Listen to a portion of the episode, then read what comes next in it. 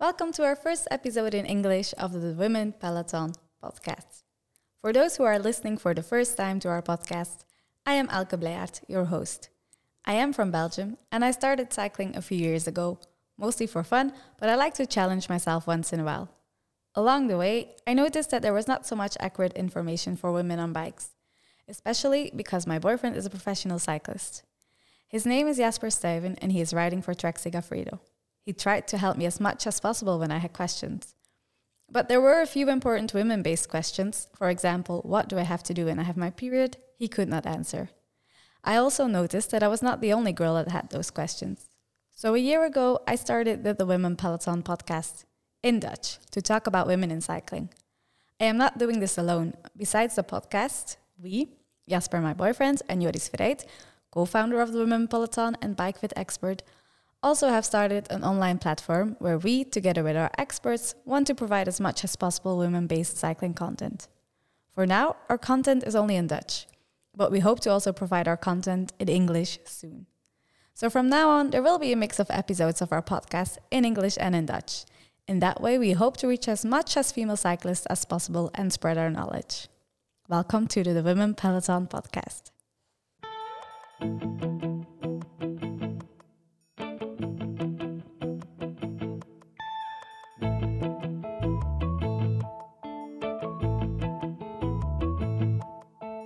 Women Peloton Podcast.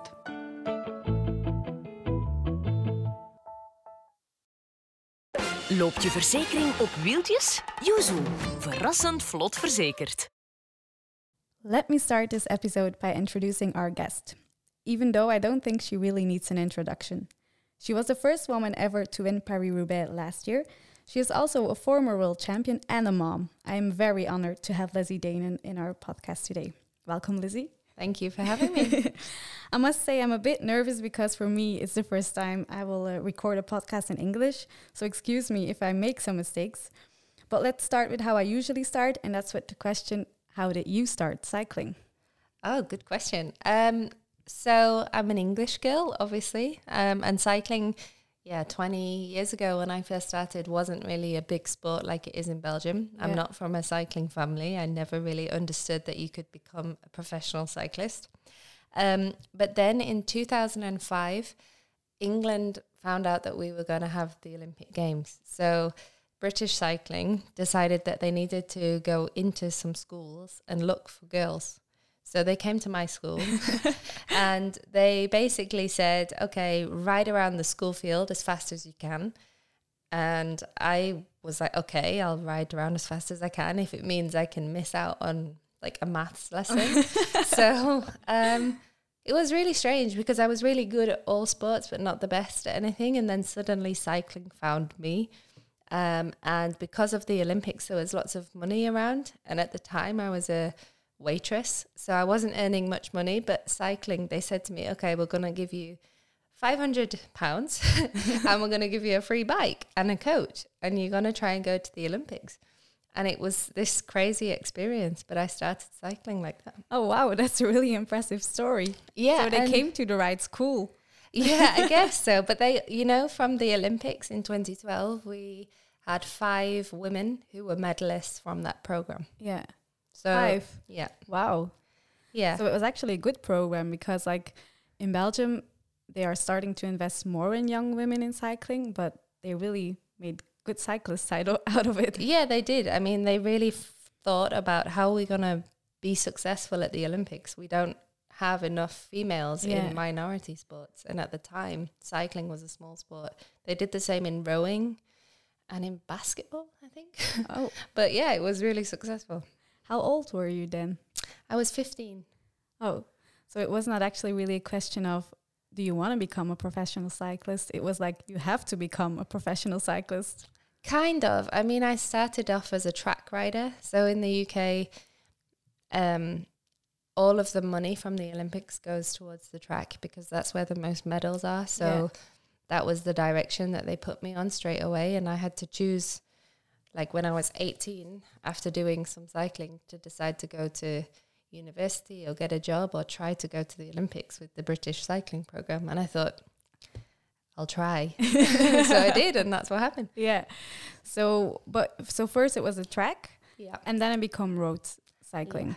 So in 2011, uh, the UCI changed the Olympic program, and I before I was a points race rider, and they decided for London 2012 they were going to put the Omnium in, and it's kind of a different discipline. You have to be really good at Yeah. pursuit and at 200 meters, and I'm really average at those. so I actually decided to try to make it on the road, and I moved to Belgium actually. Oh, you Yeah. did? You lived in Belgium? Yeah, I lived in Belgium from uh, 2010 until, oh, even earlier, 2008 until 2013 So you can speak Dutch? in Belgium. Oh yeah, Goed zo. Yeah. yeah, I mean, I've I've ridden for Dutch teams for a long time, so understanding Dutch is really easy for me. I can definitely follow a conversation, but speaking it is uh, totally different. so we should try to do this podcast in Dutch. Mm, no. maybe not. Yeah. So and that's after that. So you went on the road. Um, do you prefer the road more than the track, or Yes, definitely. Yeah. I think the freedom that I have when I'm outside is the reason that I love cycling. And really, the track cycling is totally different kind of mentality. It's really focused and really. Um, there's a lot of pressure there. Every training session, you do it with a coach and with the, the team. So it's constant comparison. Whereas when you're on the road, you're kind of your own boss yeah? you know, and I like Yeah, I like yeah, that I can see that, and it's also like more freedom in a general way. You you can go wherever you want to go to. You, you don't have to ride the same loop for exactly. like two three yeah, hours. It's not just circles and circles. No, you have already achieved so much in your career, and I think we could actually just fill a whole episode with talking about your victories and your career. But in this podcast, we like to talk specifically about being a woman and a cyclist. So we won't talk too long about this, but I'm curious if you would if you could choose one victory until now, which one was your most meaningful and most beautiful victory? I think it was uh, winning the first ever women's Paris Roubaix. Yeah. Um, just because it felt like it was a victory for women and not just for me. Yeah. And it's the first time in my career that I really felt like I was representing a whole generation of women. Yeah. Um, and before, it's always been about just me. So Yeah. it was pretty special. You now speaking about it, give me goosebumps again. Because I remember where I was at that moment. I was watching um, with my grandparents do the race in Belgium, um, and uh, uh, yeah, we always watch the men's race for sure, uh, and I watch the women's race. But it was for me the first women's race I watched and cried. Oh, wow. Yeah. It's Yeah. not because you're sitting in front of me. It really was. And I remember my grandfather looking at me and he started crying too. And he was like, Why are you crying? I'm like, I don't know why, but this is so meaningful and so powerful. And also because you ride in the same team of my boyfriend. Yeah. I'm like, I'm just so happy it's her. Like, if one woman should have won this race, it was actually Lizzie. Oh, that, yeah, that's really kind. Yeah, it it was. Yeah, just so different from any victory I've ever had before. Like Yeah. really emotional. Yeah. But also just the race by itself. Like, finally, after all those years, it's happening. Yeah, we really deserved it, and Yeah. it was like, okay, you've underestimated these women for 125 years. Yeah. You know, don't tell me I don't know how to ride cobbles because I do, and and we really proved it Yeah. that day. You know, it was really difficult conditions, and I think it was a really exciting race, and people love watching Yeah. it. So I was proud to to be the first winner for sure. You should be. um, how are you gonna watch it this year? Uh, so I'll be there in Belgium because um, I'm on maternity leave now, Yeah. but um, I'm still obviously part of the Trek team. So Yeah. I'll be there to su- to support the girls, but also to watch it with some Yeah. of the sponsors. Yeah, first of all, congratulations also because you're second of your uh, pregnant of your second child. Thank you. Yeah. How do you feel at the moment?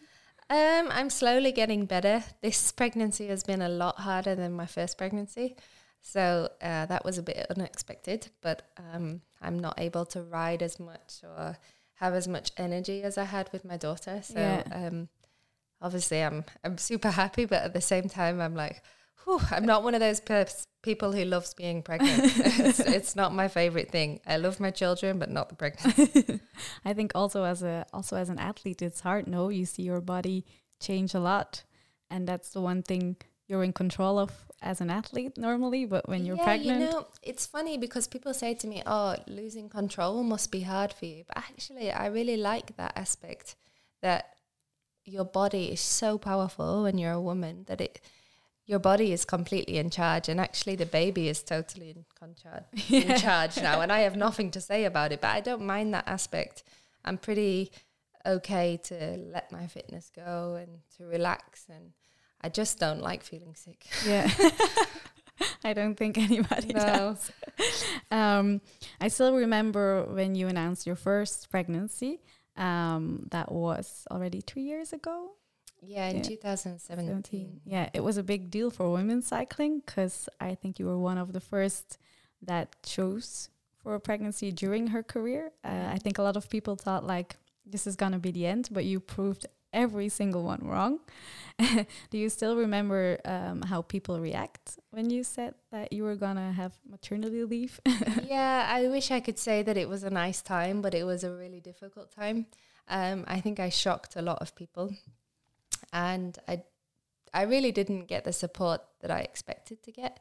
Um, I guess slowly, when you're a professional athlete, that's kind of the box that people put you in, and they don't see you as a woman or yeah, a wife or whatever. And it really surprised me how many people, even close to me, were like, "Whoa, what are you doing?" You know, and it almost made them feel better when I said, "Okay, I'm going to return to cycling. Like, don't worry. Like, I'm still going to be who you think I am." But even then, um, yeah, there were some different reactions. I mean, it's normal. I'm in a sport where there's cultures from across Europe. You know, Yeah. like some women find it strange to go back to work. Like, how can you leave your child behind? Or all these questions. But um, I'm from a family where the women have always worked, and my granddad was a stay-at-home father, like in the 1950s. You know, so Yeah. for me, it's quite normal that you you're a team when you're parents. So um, yeah, it was it was a hard time, a really hard time, but. This pregnancy announcement was very different. So a lot has changed in Yeah. three years. that's good. All because of you. Because I don't know any other cyclists at the moment that choose to stop. Well, not stop because you didn't stop, but to choose to take a break. Yeah, I Uh, mean, it, the reason in cycling that it's still probably difficult for a lot of women is the financial aspect. You know, I've had a successful career and Yeah. I'm in a financial position to step away for a, for a year, and also now I'm getting paid maternity leave because of the new contracts. Yeah. But when I first got pregnant, there was no maternity No. clause, so my contract stopped. but now it's it is more possible. So I hope in the future more women do it. Yeah, because that's I think the reason why a lot of cyclists maybe stop, like because they're like, I don't have any other option. If I want to become a mom, this is the decision I have to make. Yeah, of course. And Yeah. also, you know, I'm in a fortunate position that I have my husband Philip, who is a stay-at-home father. You know, yeah, it's not that. The problem is with cycling that you go away not just during the daytime, you go away at the night. yeah, you're away for sometimes yeah. two, three weeks. Exactly. So you really have to have a supportive partner, Yeah. Which Yeah. I do. yeah, I was gonna say thankful you have that. Um, we're gonna come back uh, to Philip later, but um, so being a mom is usually a full time job, as you said, uh, but you combine it with a job as a cyclist, which, as we said, means a lot traveling. Um, and luckily, Philip stays at home. Um, but you're go- you're good as a team, but I can imagine it's not always that easy. Like, how do you manage it? Also, for yourself as a mom, how do you feel sometimes? How does Philip feel sometimes being alone here with Orla? Yeah, I pronounce it right? Yeah, Orla. Orla, really good. um, it can be really difficult, but I think we are lucky that Philip was a professional cyclist, so he understands my Yeah. job, and also, you know, I understand his job as a full time father because, of course, there have been times, especially in the beginning when I was breastfeeding, that I was the full time mum, and Yeah. it's really intense. You know, especially in the early years, it's really really hard when you don't get a break and it's just about always trying to see it from their side. Like sometimes, you know, if I'm at the Giro, which is probably the longest stage that I'm away Yeah. 10 days and I can call up Phil and I'll say, Oh, I'm really missing Orla. I have to remember that he's spent the whole day with Orla and he's desperate for a break and he would love to be at the Giro racing with his, Yeah. you know, with his old teammates. So it's kind of, you just always have to try to, yeah, communicate, but also understand each Yeah. other's perspectives. Yeah, that's true.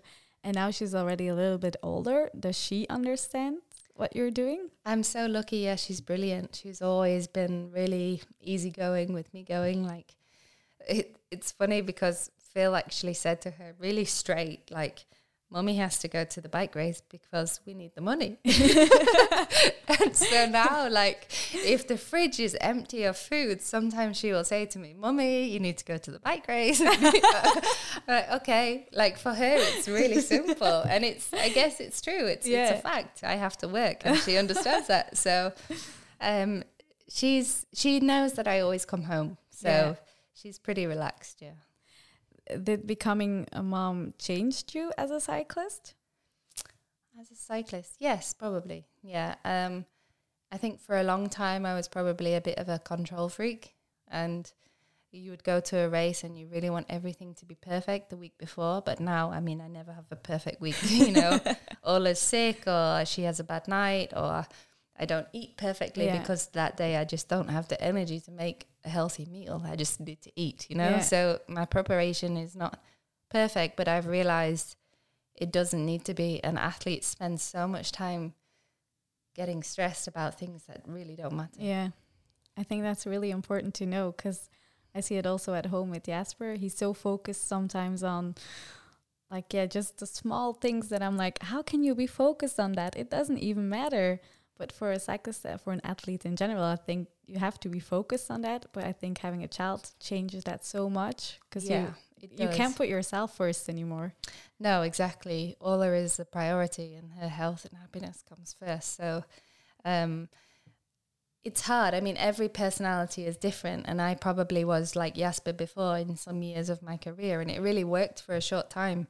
But I got to a point where I didn't want to be a cyclist anymore. Yeah, And okay, now maybe I'm not as sharp in some of the details, but actually, my career is ten years longer because of it. So Yeah. you have to find a balance. Yeah. Oh, that's actually really nice to know because you're like, just because you have some distraction also, it will make sure that you can be a longer cyclist. Because otherwise, maybe after 10 years, it would be like, oh, fuck this shit. I can say this. it's my podcast. I can say it Yeah. whatever I want to say. Um, like, because you're not really, but yeah, maybe because you're burned out. Like, because you're like, okay, yeah, I've done it for 10 years. It's really intense, really, really intense. If you're doing absolutely everything you can to be the best cyclist you can be, Yeah. um, and it it doesn't work in the long term. It No. didn't for my personality. Yeah. I wasn't happy. Like uh, in the best year of my career in 2016, I was winning a lot of races, but they weren't making me happy. Whereas now I really Enjoy it. enjoy it. Yeah, yeah. Did Philip sometimes get bad reactions because he's a stay-at-home dad? Because we always talk about women that stay at home, but I think it's really powerful for a man to say like, "I support my wife. uh, Yeah. I stay at home for the kids."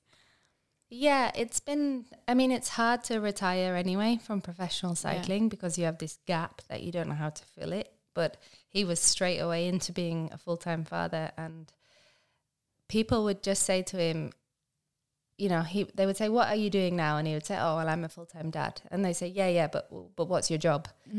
and it's like, you know, I'm a full time father. That's that's it. Yeah. Like, that, you know, there is no time for anything else. There's no room for anything Yeah. else. If we're f- following my dream for this little bit, he has to be all in as well. Yeah. And people don't really get that. But also, people don't get that maybe if they haven't had children themselves yet or they Yeah. haven't been around kids. So you cannot always blame them. No, and I also But- think that it's not because he's a man. It's also sometimes when you're a woman that they say like, "Yeah, but what's your job?" Because Yeah. For example, um, the wife of Wout van Aert is one of my best friends. She gets that reaction the whole time, like, yeah. "Yeah, but you're at home with the kids. What are you doing?" And she's like, "I'm taking care of my kid, and I'm taking care of my husband. Like, this is most what I important do." job. yeah, Yeah. Yeah, it it can be tricky, and of course, the stereotypes against um, men and women. uh, You know, it goes both directions, and of Yeah. course, he's had some people who definitely think it's strange what Yeah. he's doing, but um, a lot of people respect it as well. It's not only the only thing he's doing because he's also your trainer, no? Yeah. Yeah, yeah. so I always thought, no way would I let my husband train me. Like that's got to be weird. but actually, so when I when he stopped racing himself, he decided to try and do some work that was flexible around Orla, and he started to do some coaching. And I started to see him coaching his clients, and I was like, oh, You're uh, better than yeah. yeah, because I always coach myself because I never found a coach that really fit with me. Yeah. I'm, I'm not very good at communicating, and you have to have a good relationship Yeah. with someone. So actually, in the end, I said, oh, "Would you would you coach me?" And he was like, "Oof." uh, but You're a hard client. I'm, t- yeah, I'm a tough client, but uh, it's it's worked really well. I mean, he's there every day. You know, he can Yeah. see me in the morning if I wake up and I look like a zombie. He's like probably have a rest day. Whereas uh, you know somebody is doing your TrainingPeaks, yeah. whatever, doesn't doesn't always see that. Yeah. so. That was actually my next question. Like, how different is working with Philip as a as your trainer compared to previous coaches? But yeah, you coached yourself, so it's uh, yeah, I mean, like on the track when I started, I had coaches and I struggled because I'm I like to understand what I'm doing and the reasons why I'm doing Yeah. it. And sometimes coaches are not that approachable to to they find it kind of defensive if you ask them a question. But why do you want me to do this? because So- it feels for them like you don't believe them. Yeah, yeah. Um, and I'm also someone who's really flexible. So, okay, I might have at the start of the week a schedule, but I really listen to my body.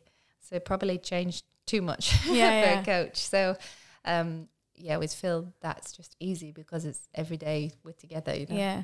And I also read uh, on his website it was panache Yeah. coaching. Um, something I really liked. It was something that you said, uh, like coaching a woman is different to coaching a man because of our psych. Uh, psy- you have to help me on that one. Psy, psys. Oh, you're Psychology. yeah. I practiced this a thousand times at home and now I cannot pronounce it. But also because of the different demands of racing. Like, yeah, the women's races are shorter, uh, they have a different intensity. And uh, you also said, like, it's the first time in my career that this has been recognized. And I'm just, and I haven't just done a copy paste of a male pro training with less volume. Yeah, I mean that's really important, and I see actually a lot now. There's with social media, people share what they're doing a lot more. Yeah. So, like in recent years, there's been this trend for women to do this massive volume of riding. So, somebody like Annemiek van Vleuten, I mean, she is phenomenal athlete, but she's also sharing that she's doing these huge Yeah. training rides. But it simply wouldn't be possible for me to to, To to, do do, it, the yeah. same. Like I'm just not the same athlete. But sometimes as a younger athlete, you think, oh wow, okay, she's I doing need that. to do I that. Need to do that. Yeah. And also coaches who are used to coaching male tour. Well, tour riders think, okay, we'll do the same with the women, but our races are 160 kilometers, sometimes half the distance of Yeah. the men's, you know, and it doesn't make sense for me to train for seven hours because you You'll know never have to do it. I never have to do it yeah. and it would mean that the man should be training 10 hours then, you know like i'm just really specific about training to try to win the race and i think sometimes people get lost training for training like Also training to show eat like or to, tr- train. yeah. to train to do longer or yeah. and i'm always just thinking about how can i win the race Yeah. so That's one thing with the women peloton that we really try to achieve is like that women that do cycling um, just also for fun that they it's better to understand your body like because we have our menstrual cycle and stuff like that going on like we Mhm. just work differently than a man Yeah, um, for and there's so much other things that we have to think of um, but also I think what's really important, and that's for sure what Philip does with you, he sees you as a person also in the morning. He knows like uh, it wasn't a good night. And I think sometimes that that's what athletes forget. Like they are so focused on training and not like how do I feel as a person. yeah Um, yeah, I think it's really yeah. important, especially as women, like you say. Like since having my daughter, my menstrual cycle is really has a huge impact on my training, and then I I really some days I just cannot train like I want to, and um, having somebody that understands that and understands the reasons why is really important. yeah and do you mean if i can ask you like you cannot go training during your period because it's too heavy or just on other days also No, in my cycle, I find that I have a really good feeling on my period and the week after. Yeah. And then as soon as I ovulate, I'm a totally different person. Yeah. I'm like five kilos heavier, full of water Yeah. and moody and just not myself. yeah Um, and that's really hard to combat because it's like you have two No weeks where energy, you feel yeah. great and then two weeks where you feel just totally different. Yeah. So yeah, it's and is it and is it then that philip adjusts your training like he knows like those two weeks i cannot let her do the hard efforts or like the long trainings or it's more that on the the two weeks where I feel good, I really push um, a lot, like intensity, and then the two weeks where I'm not feeling that great, I don't even really analyze my training. I'm not looking at the power files, Yeah. thinking, okay, today was a i good should day. yeah I just accept that I try to do the efforts on based on the effort, not on the power that Yeah. I'm doing. Um, and things like eating as well. You know, I always eat more just before my period and stuff. Yeah. And now we both understand that it's normal that my body's craving carbohydrates three days before Yeah. because I need the extra calories. And things like that, I just used to ignore Yeah. and not understand. I think it's so important that women hear this because I'm um, I uh, I did some studies with Dr. Stacy Sims. I don't know if you know her. Mhm. She's the really women advocate on that, um, and it really changed my world. Like I was like, we never listen to our body, like never ever. I was always like ignoring those signs, like, and now I can like I have the same thing as you. Like my last two weeks of my cycle, I'm Mhm. I'm just I cannot do anything even for work. I'm like Yeah. normally I'm super creative, but those weeks for me are super hard. And now I, I start to understand like, okay, it's normal. I should just plan stuff that for me are not that hard or not that intensive um, when it goes uh, goes to training stuff. Um, but yeah, I think it's important for people. It's not that I want them. Uh, it's not that I want all women to train uh, like that, but I think it's just really good to get to know your body. Like just know how your body feels on some days, and then just think about that. for sure. And there's so many uh, different anxieties that people get or feeling guilty around that two weeks uh, where you have a bad period. Yeah. But actually, if you know to anticipate that, you can just step back and not be so hard on yourself. Yeah, And you're right. I mean, we're not taught about that in school. You're taught about your period and Yeah. yeah, um, how And- to avoid getting Yeah. pregnant, but you're not taught about how your hormones are going to affect your mood and Yeah. all these different things. So, if women understood themselves a bit better, then we'd have more of a chance. I mean, we are in a society where we're always taught try to lose weight and all these things, but then all of the the ways to lose weight are directed towards men. I mean, like especially in cycling, I've seen so many women doing fasted rides and yeah. not eating, and I'm just like, that's that's the worst thing, Thing you, you can could do, as a woman. yeah. You know, your cortisol will just Go go, through up. the roof, Yeah. and actually you'll put more weight on. Yeah, But unless you really understand your body, you don't know these things. and you No. just no. yeah, And I also think a lot of women think like, but I've trained like this my whole life. Why should I change it? Because maybe there are girls that win races, uh, but maybe they would be even more better if they would listen to their body. yeah, absolutely. But also the fact that everybody is different. I mean, like I said before, I had my daughter. I never understood the menstrual cycle. Yeah. Like my sister has super bad PMS, and I just thought she was a bit of a moody bitch.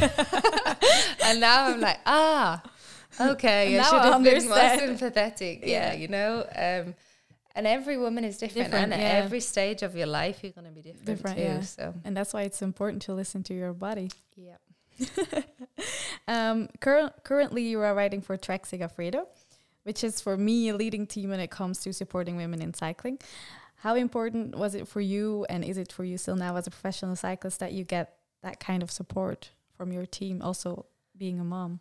It's huge. I couldn't be in the sport without Trek Segafredo. So when I first had my uh, when I had my first pregnancy with my daughter, like I say, my previous contract was finished, and I was kind of like, okay, how am I going to make a comeback? I thought I would have to do it without being paid. Yeah, And then I was six months pregnant, and Trek contacted me and said, We're going to try and start a women's team, and we want to start paying you already. And I was like, Whoa. I'm in. I'm in. yeah, where do I sign? and um, yeah, since then, I think they've just done some really incredible things. Like in women's cycling, we don't always get the same prize money as men. And in those circumstances, Trek come in and they pay us Yeah. the extra prize money that's missing.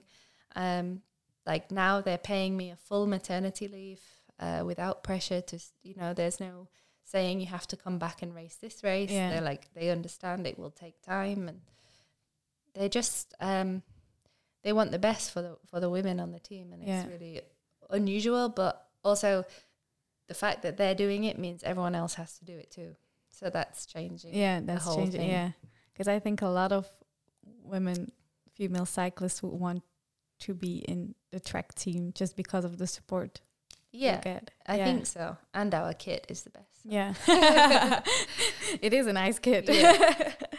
um, so, as we said before, you're pregnant now with your second child. Uh, you said that you're not so comfortable riding your bike now as in your first pregnancy. How long did you keep riding your bike in your first pregnancy? So with my daughter, I was riding three days before she was born. Oh, really? Yeah. Three days. Yeah. um, I just felt really comfortable and oh, I tried to do other sports. Like I tried to swim or I tried to do some walking Yeah. or whatever. But because I'm so used to cycling, it was the place where I felt comfortable to be like, okay, this is too much. Or I'm, you know, I can push a little bit here or whatever, but I don't know myself in other sports. Yeah. So I stuck to what I knew and cycling was, was what I thought. And did you do it on the rollers or did you go outside? No, so before I had Orla, I also thought, no way would I ever ride on the road. No way, it's such a risk. I would Yeah. never do that. Why would you do that? Until it was me in that situation, and I needed to. I needed to be outside for my mental health. Yeah. And I made decisions like I rode outside when the traffic was low. I didn't go on busy roads. I did the same loop. Um, yeah. always took enough food, water, all these things. Um, I didn't ride outside when it was super hot, but yeah, I did ride outside. Yeah. Well, amazing.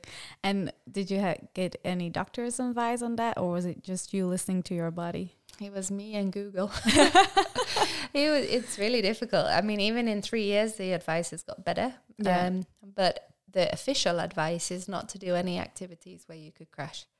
So, you know, that's skiing, that's cycling Yeah, outside. But that's also actually just walking. Yeah, exactly. So it, a risk is different for everybody. Yeah. And I had to decide for myself what I thought was a risk. And is there any advice you could give on women that are pregnant now and also want to keep riding their bike? Yeah, I think also you have to not compare yourself to other people. Like I get a lot of messages on Instagram from women who are pregnant and they're saying, "Oh my goodness, I feel terrible in the first trimester. How did you ride your bike?"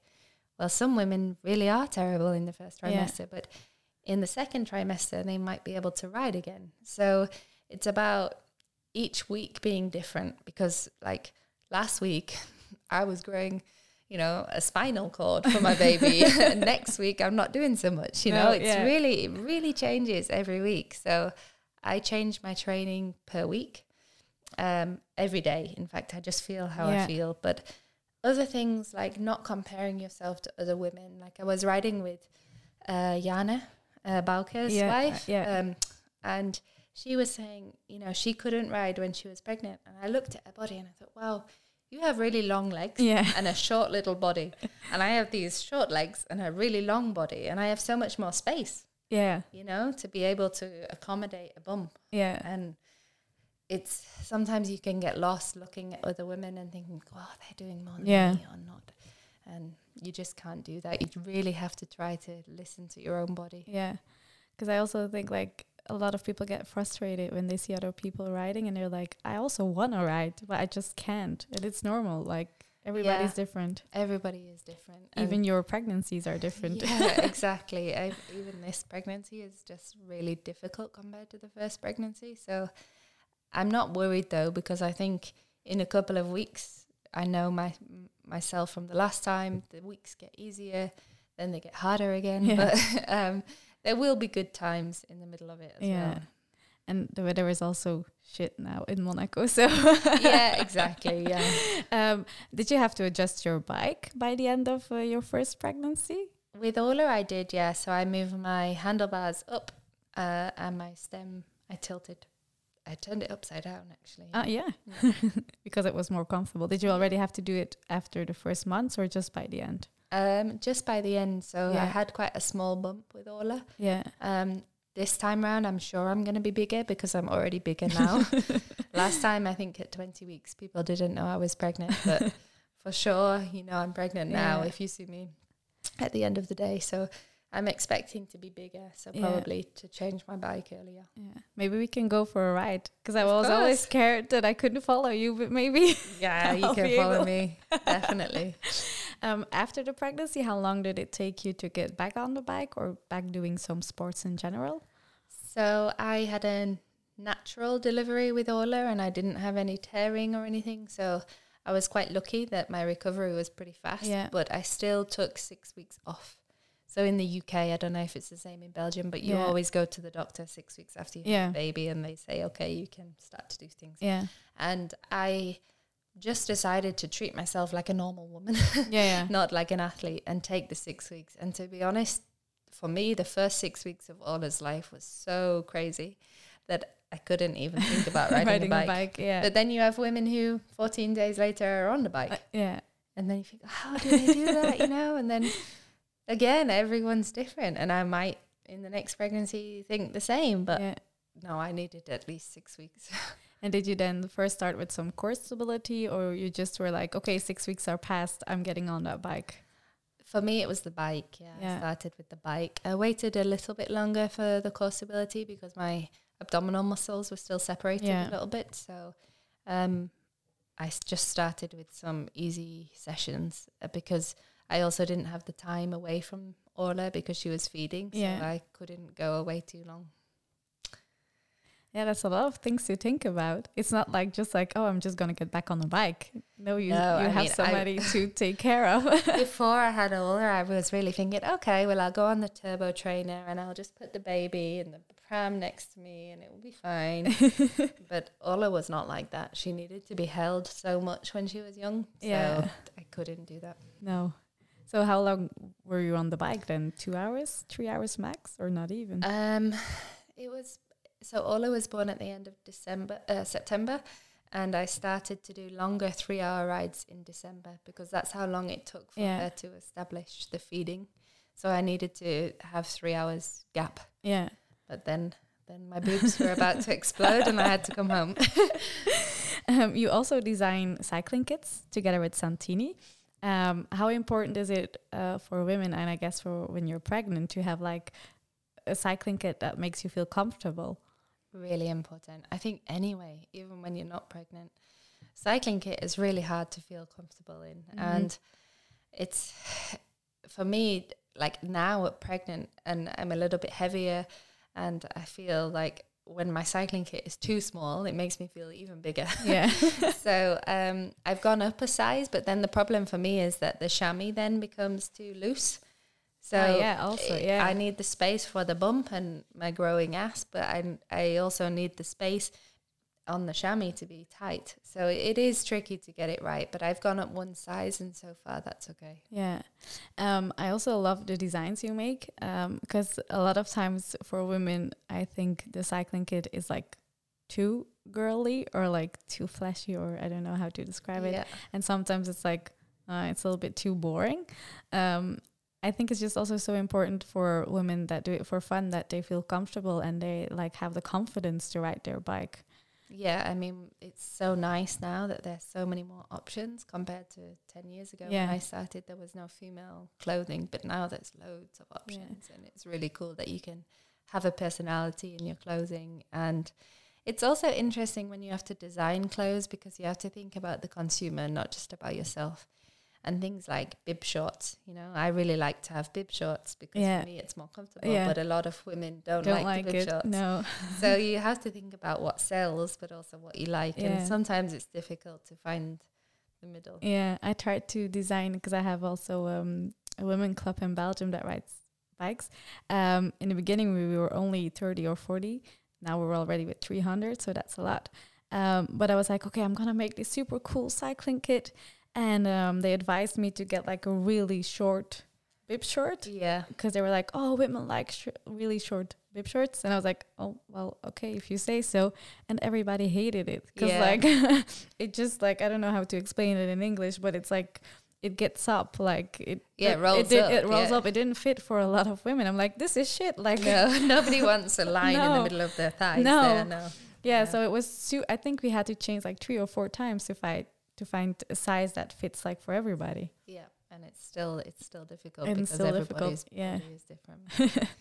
yeah, it there are so much more options than there was before, at least. yeah yeah luckily because when you started cycling was it just like more the cycling kits like for in, they just took the kits from the men or like Yeah, I always wore men's shorts. yeah men's saddles. Like I had a lot of problems with my saddle when I was younger, but luckily that's changed. yeah also Yeah. a lot has changed Yeah, a lot has changed. yeah. because that was going to be one of my next questions like you have been in cycling for how long now oh gosh, yeah, it doesn't feel that long, but it's coming up to twenty years. yeah what's the biggest change like you've been there Mm. actually the whole way almost like from the big changes that happened I think it's just become more of an inclusive sport. So obviously, as a professional, um, the wages and the races and things like that have improved. But also, just from a cycling perspective, Yeah. when I ride the bike now, I see women out on the bike, and I never saw women when I was younger. It was always like when I first started, and I wanted to learn the roads where I lived. I had to join the old man's cycling club.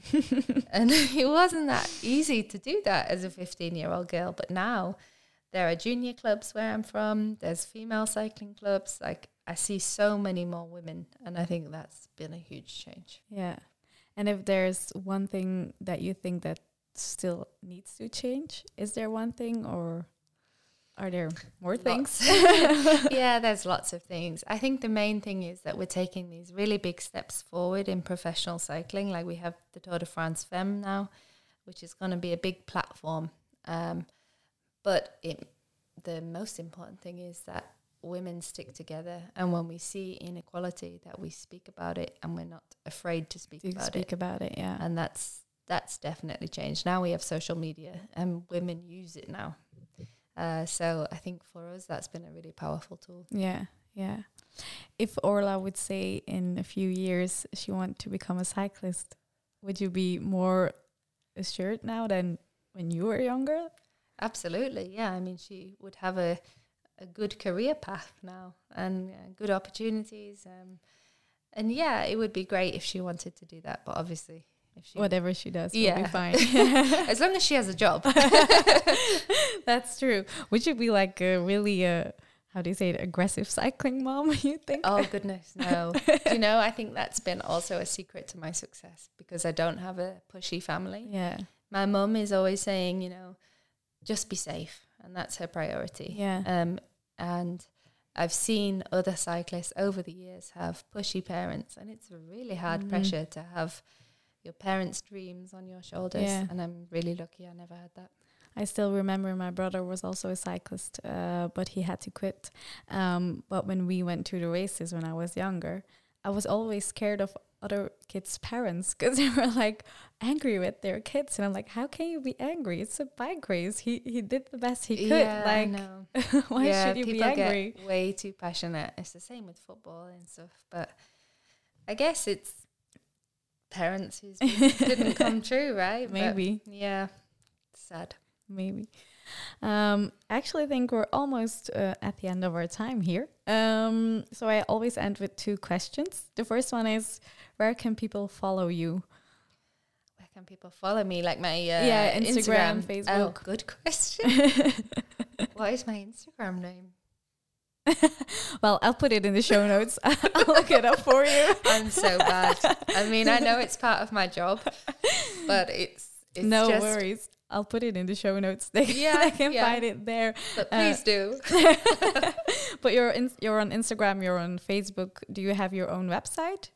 Uh, no, I don't have my own. No, website, but they can go to Trek Segafredo if they want to look up anything. Yeah, cycling course, wise. Yeah, and if anyone has any questions about pregnancy or whatever, then always just send me an Instagram message. Because Okay. I'm always happy to help. Oh, good.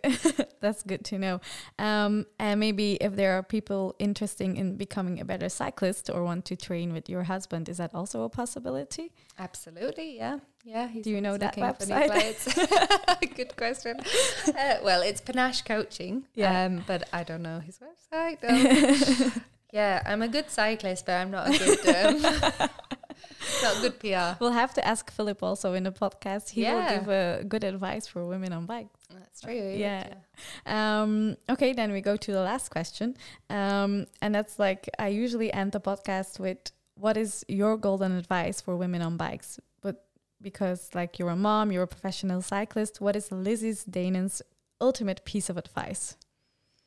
I guess from the, the perspective of being a mum is that a happy mum means a happy baby and you have to find time for yourself and you don't have to feel guilty about it and staying fit and healthy and going out for a bike ride and socializing with your friends is an amazing use of your time because like I said you're staying fit you're staying healthy you're seeing your friends and to do that all in one on a bike is the perfect way Yeah. to spend your time I think that's really nice to end the podcast with.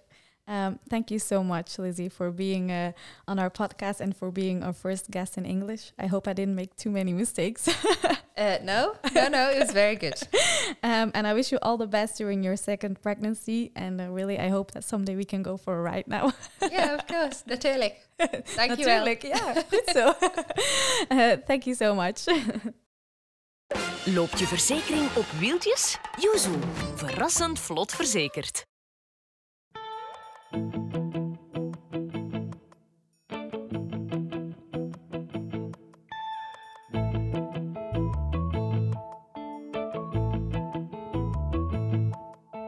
The Women Peloton Podcast.